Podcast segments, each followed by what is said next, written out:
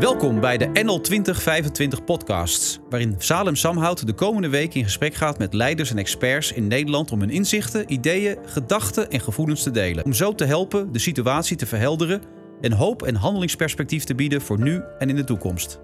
Samen maken we Nederland. Ik spreek vandaag met Marjolein ten Hoonte, directeur arbeidsmarkt en MVO van Randstad Groep Nederland. Marjolein en ik zitten op afstand, uh, vandaar dat de kwaliteit van het geluid misschien wel eens wat minder kan zijn. Welkom Marjolein, hoe gaat het met jezelf in de vijfde week van uh, de coronacrisis? Inmiddels wel weer goed. Ik heb, uh, ja? ik heb nieuw evenwicht gevonden, geloof ik. Ja, het leven, hè, wat je leeft, uh, uh, heeft een soort van, van onverschilligheid. En dat draaft door en dat, dat, dat is gaande. En dat heeft een bepaalde inrichting van s morgens heel vroeg op tot s avonds heel laat heel erg leuk en actief te zijn. En dan ineens ja. valt het stil. En dat ja. dwingt je tot een soort van heroverweging. Die in het begin heel pijnlijk voelde, maar die ontzettend louterend eigenlijk is. Waar ben je het meest geconfronteerd van jezelf? Nou, dat, dat, dat, het, dat ik zelf uh, moest proberen om uh, een lijn in dit, in dit nieuwe bestaan te krijgen, waar ik uh, daarvoor een heerlijk netwerk had, wat mij ook aan de praat hield. Dus, dus het, ja. Het ineens op afstand zijn, online zijn, niet meer zomaar mensen tegen het lijf lopen, niet denken, oh, kan hier nog even aan, want het past in de agenda, of kan dat nog even. En dat maakt wel dat, het, dat je in een kamertje thuis zit waarvan je denkt, oh mijn hemel, en nu, waar is iedereen? En hoe raak ik daarmee in gesprek? En hoe kan ik daarmee uh, mijn inspiratiemomenten hebben? En op welke manier uh, las ik rust in? En heel anders. Ja, is uh, wat ik van veel mensen hoor, dat ze langzamerhand ook hun tijd krijgen om hun inner voice te horen. Wat ze met het leven willen en hoe ze hiermee zelf mee omgaan. Maar ook het stemmetje, dit is toch eigenlijk hoe ik mijn leven wil inrichten na, na deze vijf weken. Heb jij dat ook, dat je je inner voice al meer hoort? Ja, dus waardeer je wat er werkelijk is. Hè? Je, je ja. komt je nietigheid tegen, je, je echte nietigheid. Het, het, ik stel helemaal niks voor ten opzichte van alles wat er is. En vijf jaar geleden uh, riep er iemand dat we heel uh, in een TED-talk dat we heel beducht moesten zijn voor een virus. En iedereen galoppeerde gewoon verder. En ineens is dat virus er. Ja. En uh, dat doet mijn inner voice dat ik denk, oh jee, ik, waarom ben ik dan niet degene die ook dat geluid gaat maken? Of waarom en op welke manier krijg ik dan zaken die werkelijk belangrijk zijn over de bühne? En op welke manier richt ik dan mijn eigen leven in? En hoe reflecteer ik hierop? En ben ik dan eigenlijk wel weerbaar genoeg in die wereld die aan het veranderen is en die zomaar ineens in oorlog of in natuurramp of in pandemie kan zijn? En dat is, ja. ik vind dat een enorme mooie les. Ja, en uh, heb je ook nog gevoelens over hoe de natuur is op dit moment? Heb je daar ook je inner voice? Of, uh... Nou ja, wij, wij, zaten net even buiten te lunchen en, en uh, mijn, mijn oude moeder die zegt altijd toen de oorlog voorbij was, zong de merel mooier en scheen de zon mooier. En, ja. en dat heb ik nu ook. He, dat ik denk, wauw, wat, wat is het prachtig buiten. Ik ben een fietser, ik ben veel buiten nu. Ja. En toch is het drama eigenlijk. en kunnen we dat drama dan verbinden op hoe mooi het ook is? Nou, wat een mooie reflectie zo al aan het begin van dit gesprek. Ik wil nog eens even teruggaan ja. naar dat ben ik wel weerbaar genoeg? Ik kom straks wel bij de arbeidsmarkt, maar over ja, ja, je eigen, ben, ik wel weerbaar, ben ik wel weerbaar genoeg? Hoe heb je daar, wat voor antwoorden heb je daar gegeven? Want normaal gesproken ben je natuurlijk een heel, of nu nog steeds een sterk mens. Je staat op een grote positie. Maar heel veel mensen in de samenleving zijn absoluut minder weerbaar dan jij, denk ik. Hoe is dat nu om zo eens te ervaren dat, dat je ook wel eens twijfelt aan je eigen weerbaarheid op dit moment? Nou, kijk, je gaat je afvragen wat je voor granted neemt. Dus waarvan je denkt, oh, dat blijft wel zo. Maar ook ik ja. um, moet me realiseren dat ik mij een tijdje staande zou kunnen houden zonder inkomen. Maar dat dat op enig moment ook zou kunnen veranderen. En, en, ja. en hoe ik daar dan in zou staan en hoe ik dat dan geregeld ja. heb. Um, is het zo dat na deze periode de wereld zo verandert dat ik eigenlijk nu moet zorgen dat ik iets bijleer om dan weer volledig mee te kunnen rollen? Ja. Um, dat, soort, dat soort gekke dingen. Ik, ik ben een heel nuchter mens, dus ik, ik probeer altijd heel erg het walletje bij het schuurtje te houden. En ik realiseer ja. me nu dat uh, dat ook wel helpt om in deze tijd van hele kleine en fijne dingen te kunnen genieten die heel dicht bij je zijn. in plaats van te hunkeren naar grote festivals of verre reizen of weet ik wat. Dus het, ja, dat leert het me ook wel. Dat het misschien ongelooflijk tuttig is, maar dat het ook wel iets heel nou ja, moois heeft. Dat je met dat wat er is gewoon vooruit kan. Ja. Wat je heel veel ziet, uh, dat is uh, nou, meditatie, yoga heeft een enorme vlucht genomen de afgelopen jaren. En een van de lessen van de, van de Boeddha is dat je je moet onthechten aan dingen, aan mensen, aan dingen. Waar hecht je je nu nog het meest aan? Wat is voor jou, want je hebt je deze zorgen misschien wat gemaakt. Wat zijn nou voor jou de meest essentiële dingen waar je je echt nog aan wil hechten? En wat laat je onthechten? Nou, ik ben zo blij dat ik een goed stel hersens heb. Dat ik na kan denken over al die informatie die op me afkomt. En, en dat ik dat een plek kan geven. Ik ben gezegend met, met een hele waardevolle relatie uh, in, een, in een familie. En ook al is dat op afstand hè, uh, met mijn man. En dat, dat, je, dat je voelt van dit, dit is de kern van mijn bestaan. En stel dat daar iets in zou gebeuren, dan is dat nog steeds de kern van mijn bestaan. Ja. Um, dus het, het, het onthechten heeft, heeft uh, van spullen en, en, en allerlei rare vergezichten die dat met zich meebrengt dat had ik altijd al wel. Ik, ik weet dat, dat het zo is dat je helemaal niet veel in een leven nodig hebt om zielsgelukkig te zijn. Um, en nou, ik ben blij dat ik dat heb nu. Hè? Omdat ja. als je in de krant leest dat mensen wat ze missen, dan denk ik, ja, dat, daar kun je zonder. Wat ik, uh, we zijn denk ik ongeveer iets van dezelfde generatie. Wat ik eigenlijk, dat vind ik eigenlijk een beetje een zegen van deze crisis. Dat onze generatie eindelijk eens een echte tegenslag krijgt en dat wij uh, moeten weer gaan vechten eigenlijk. Dat we, uh, we kunnen niet uitdieselen, maar we moeten weer vol aan de bak. En dat geeft mij uh, enorm veel energie. Hoe ervaar jij dat als generatiegenoot van... nou, we moeten nou echt... We hebben nu onze eigen tegenslag eens een keer te pakken. Ik realiseer me dat ik nog steeds vanuit een hele luxe positie die tegenslag kan benaderen. En ja. ik realiseer me ook dat, dat ik ehm, sterker word van krassen. En dat heb ik geleerd in mijn leven. Dus dat, je kunt veel meer aan dan je denkt. Dat vind ik mooi van deze tijd, dat het echt niks voorstelt in vergelijking tot 40, 45. Of hè, plaats het in context, zorg dat je goed na blijft denken wat het voor jou betekent, wat het voor de maatschappij betekent, op welke manier solidariteit nu gestalte moet krijgen. Dat. Misschien daar voortborduren op je solidariteit. Want heel veel mensen en heel veel leiders hoor je nu zeggen: we moeten het samen doen. En, en samen doen en solidariteit die liggen in elkaars verlengde. Als jij dat zou mogen invullen uh, met inhoud, zeg maar. Want de, de, de woorden zijn makkelijk gezegd, maar wat betekent het nou precies? Wat ik altijd zo lastig vind aan samen is dat het lijkt alsof je jezelf daaraan kan onttrekken. En ik geloof erin dat alles dus organisaties, een straat, een, een gezin, dat bestaat uit mensen. Mensen die uh, iets, iets, tot iets in staat zijn. Dus als het over solidariteit gaat, dan gaat het in beginsel over mijzelf in relatie tot die ander en wat ik bereid ben om voor die ander te doen.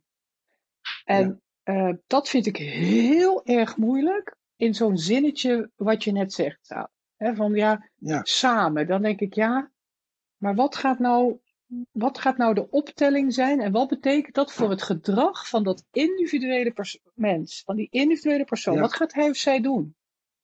Ja, en uh, dat uh, vroeg ik mij ook af uh, toen ik de crisis toen, vroeg ik mezelf de vraag, wat is nu mijn rol in de samenleving? Wat moet ik nu gaan doen? Heb jij die vraag ook gesteld, dat je zegt, wat is mijn rol nu in deze fase waarin we zitten? Ja, natuurlijk heb ik mij zelf die gesteld, omdat je um, je wordt je zo pijnlijk bewust dat, dat, dat het daarom gaat. En um, het, het allermakkelijkste is dan om, om inderdaad gewoon terug te gaan naar wat kan ik vanuit mijn eigen beïnvloedingssfeer beïnvloeden. En dat is eerst uh, zorgen voor, voor mijn familie, voor mijn omgeving. Voor, hè, daarna komt gewoon je straat of je wijk of en, en dan eh, heb je nog je werk. En, en uh, in mijn geval uh, heb ik dromen over wat dat dan voor de maatschappij zou kunnen betekenen. En dat, en dat is een soort van cirkel die in en uit beweegt. En, en waar je de ene keer beter in slaagt dan de andere keer. En, en, en wat je aan het einde van de week als het ware evalueert voor jezelf. Nou, ben ik er op een goede manier in geslaagd of niet? En kan dat, kan dat ook anders? En met wie zou ik moeten verbinden om dat beter te doen? Zullen we eens naar de arbeidsmarkt gaan? Want uh, die wordt natuurlijk enorm geraakt, veronderstel ik. Vanuit de Randstad, welke beelden hebben jullie voor de komende drie, zes, negen, twaalf maanden wat het dit met de arbeidsmarkt gaat doen? Nou, kijk, als je, als je echt kijkt naar die arbeidsmarkt, dan is dat, dan is dat koffiedik kijken. En iedereen buitelt over elkaar heen om crisis wel, crisis niet. En, en uh, depressie wel en depressie niet. Wat het voor mij ten diepste in zich heeft, is dat we ons ongelooflijk bewust moeten worden dat organisaties in een hele volatiele wereld opereren die soms met dit soort schokken te maken heeft. Organisaties zijn zich daarop aan het inrichten en uh, onze organisatie helpt bedrijven hun aanpassingsvermogen te organiseren. Dus zich als het ware voor te laten bereiden op de golven van de wereld waarin zij bewegen. Op het moment dat we er niet in slagen om dat ook voor mensen veel beter te doen, dan hebben we de komende paar jaar wel echt iets ingewikkelds. En wat mij drijft, is dat we op, op dit moment nu gaan kijken naar hoe zou je een arbeidsmarkt in een samenleving zo kunnen laten functioneren dat mensen werk en inkomen vinden. En op welke manier zou je dat publiek en privaat moeten afwisselen om deze crisis door te komen? Uh, wat denk je wat deze crisis ten goede doet voor de arbeidsmarkt en wat doet het ten slechte? Wat het ten goede doet, is dat we inderdaad tot het inzicht komen. Um, vast werk is dus niet meer vast. Hè? Er kan van alles gebeuren waardoor je moet proberen om, om aansluiting te vinden op een arbeidsmarkt. En hoe kunnen we dat beter en veiliger en inclusiever vanuit solidariteit voor alle werkenden organiseren. Um, wat ik jammer zou vinden is als er een, een grote angstreactie opkomt en dat we het gaan reorganiseren naar 60 jaar geleden. Ja, en wat bedoel je daarmee, uh, naar 60 jaar geleden? Wat, wat nou, kijk, 60 jaar geleden zeiden we, ontslag bestaat niet en iedereen heeft een vaste baan en kan van zijn 15e tot zijn 65e bij een werkgever blijven. En de, ja. de eerste reactie zou kunnen zijn dat we dat weer met elkaar willen gaan organiseren, terwijl de wereld zich een andere richting organiseert en dat het schijnzekerheid is. Ja, Waar is het 60 jaar naar voren gericht? Laten we daar eens naar kijken. Hoe, hoe zie je dan de arbeidsmarkt of 20 jaar of 10 jaar naar voren? Nou, hoe mooi zou het zijn als je dan uh, met elkaar, hoe die arbeidsmarkt zich ook beweegt, steeds in een goede dialoog bent over wat betekent dat voor mensen, wat betekent dat voor hun loopbaan, wat betekent dat voor hun ontwikkelingen, voor hun werk en inkomen. Uh, ja. En op welke manier, en ik vind dat commissie Borslap daar een hele mooie voorzet toe gedaan heeft, op welke manier zou je uh, uh, zekerheid en solidariteit in een, in een land moeten willen organiseren? En dat, dat zou wat mij betreft zijn langs een, een massief denken in. Mensen hebben uh, om te beginnen werk nodig en ontwikkeling en duidelijke regels daaromheen om ook werkelijk weerbaar te kunnen zijn. Ik sprak vanochtend met Pieter Duisenberg, uh, en die ja. zei, uh, we moeten resilient organi organization of resilient society maken.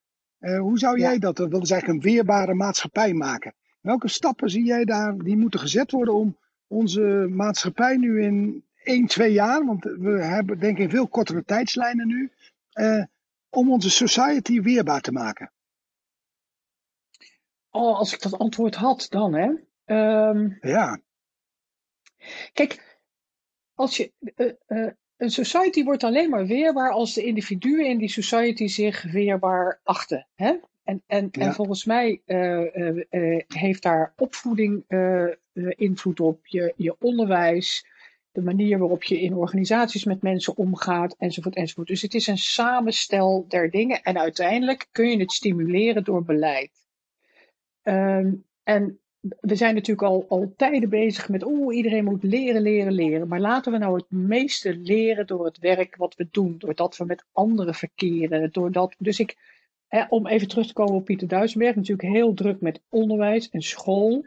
Uh, wat je nu ziet is dat dat enorm aan het digitaliseren is. En de vraag is dus, ja. waarvoor komen leerlingen straks naar school en op wat voor manier gaan dat, gaat dat onderwijs dan vorm krijgen? Want leren discussiëren en met elkaar verkeren, dat is iets heel anders dan theorie tot je nemen.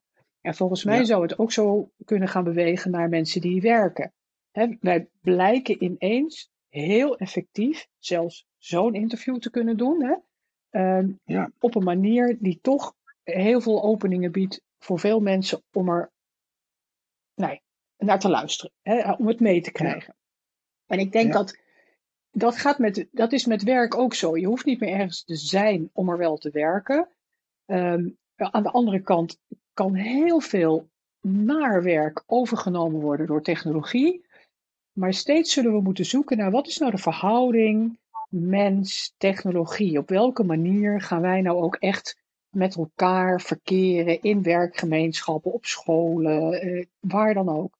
En, en, en naar voren toe denk ik dat we daarin gaan leren en dat we moeten proberen om daar je loopbaan in te vinden. Dus niet te zeggen, ik parkeer mij voor mijn, voor mijn werkzame leven op één plek.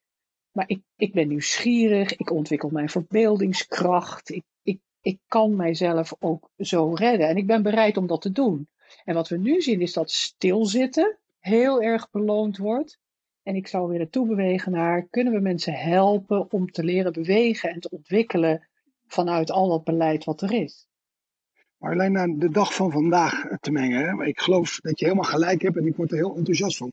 Toch zit, laten we de man of vrouw van 50 jaar in ons hoofd nemen. En die heeft nu enorme angst voor uh, de coronacrisis. Eerst plaats zijn gezondheid, de gezondheid van zijn ouders. Dan heeft hij arbeidsonzekerheid. Uh, en dan zeggen we, ja, je moet toch weerbaarder worden, je moet permanent leren. Uh, uh, hoe, hoe breng je die twee werelden, toekomstperspectief en de angst van vandaag met elkaar in verbinding? Nou, dat is, dat is, dat is een enorme uitdaging. want in een overspannen systeem veranderingen doorvoeren is heel lastig. Um, Aan de andere kant dus gebeuren er nu dingen veel sneller als ze ooit gedaan hebben, exact, eigenlijk, hoor ik ook. Exact. Dus, dus vanuit een crisis ontstaan ook weer uh, nieuwe dingen. Um, nogmaals, als je um, angst voedt. Nou, laat ik een voorbeeld geven. Er zijn nu ontzettend veel bedrijven waar mensen eh, vanuit hun CAO proberen te redeneren. Zo van, oké, okay, uh, eh, ja, um, uh, moet ik nou vakantie opnemen? Of kan ik ook denken, dat doe ik wel na de corona? Of, terwijl ten diepste gaat het er natuurlijk over, hoe komen we met z'n allen deze crisis door? Ja. En een werknemer heeft zichzelf eigenlijk zo ten dienste van de organisatie gezet dat hij bijna niet meer echt meer deel uitmaakt van die organisatie. Ja. Um, en, en dat betekent dat hij is gaan, gaan leven naar een CAO. Mag ik nou één loonschaaltje meer of minder? Daar gaat het natuurlijk helemaal niet om. Het gaat erom op welke manier voel ik mij gewaardeerd in mijn werk? Heb ik het idee dat ik me ontwikkel? Kan ik hier blijven of moet ik eens om me heen kijken? Wie helpt mij daarbij? Ja. Marjolein, ik wil nog twee vragen aan je stellen. En uh, de eerste vraag is: uh, jij bent ook lid van NL 2025, uh, een, ja. een, groep van heel voortrekkers in de samenleving.